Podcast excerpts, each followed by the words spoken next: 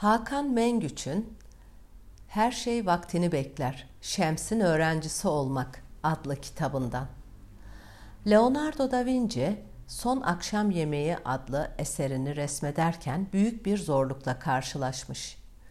Resimde iyiyi İsa'nın bedeninde, kötüyü İsa'nın arkadaşı olan ve son akşam yemeğinde ona ihanet etmeye karar veren Yahuda'nın bedeninde tasvir etmek zorundaymış.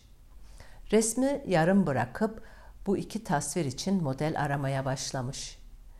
Bir gün koroda şarkı söyleyen bir adamı görüp İsa'nın yüzü için modellik yapmak üzere atölyesine davet etmiş. Birçok eskiz ve taslak çizmiş. Aradan üç yıl geçmiş. Son akşam yemeği bitmek üzereymiş. Yalnız Yahuda için bir model bulamamış. Resmi yaptığı kilisenin kardinali resmi bitirmesi için ressamı sıkıştırıyormuş.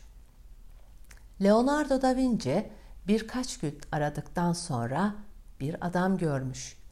Genç yaşta ihtiyarlamış bir adam görmüş. Adam paçavralar içinde sarhoşluktan kendinden geçmiş bir halde kaldırıma yığılmış. Leonardo yardımcılarına adamı kiliseye taşımalarını söylemiş. Artık eskiz ve taslak çizecek zamanı yokmuş. Yardımcıları adamı kiliseye götürüp ayağa kaldırmışlar. Leonardo adamın yüzündeki inançsızlığı, günah ve bencilliği resme aktarıyormuş. Leonardo işini bitirdiğinde bu zaman zarfında adam da sarhoşluğunu atıp kendine gelmiş. Gözlerini açan adam duvardaki resmi görünce hüzün ve şaşkınlıkla ben bu resmi daha önce gördüm. Ne zaman diye aynı şaşkınlıkla Leonardo da Vinci adama sormuş. Adam yanıtlamış.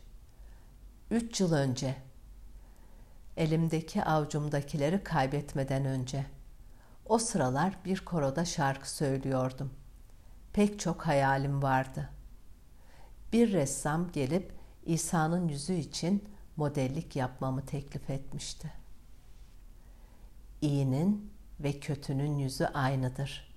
Her şey insanın karşısına ne zaman çıktığına bağlıdır.''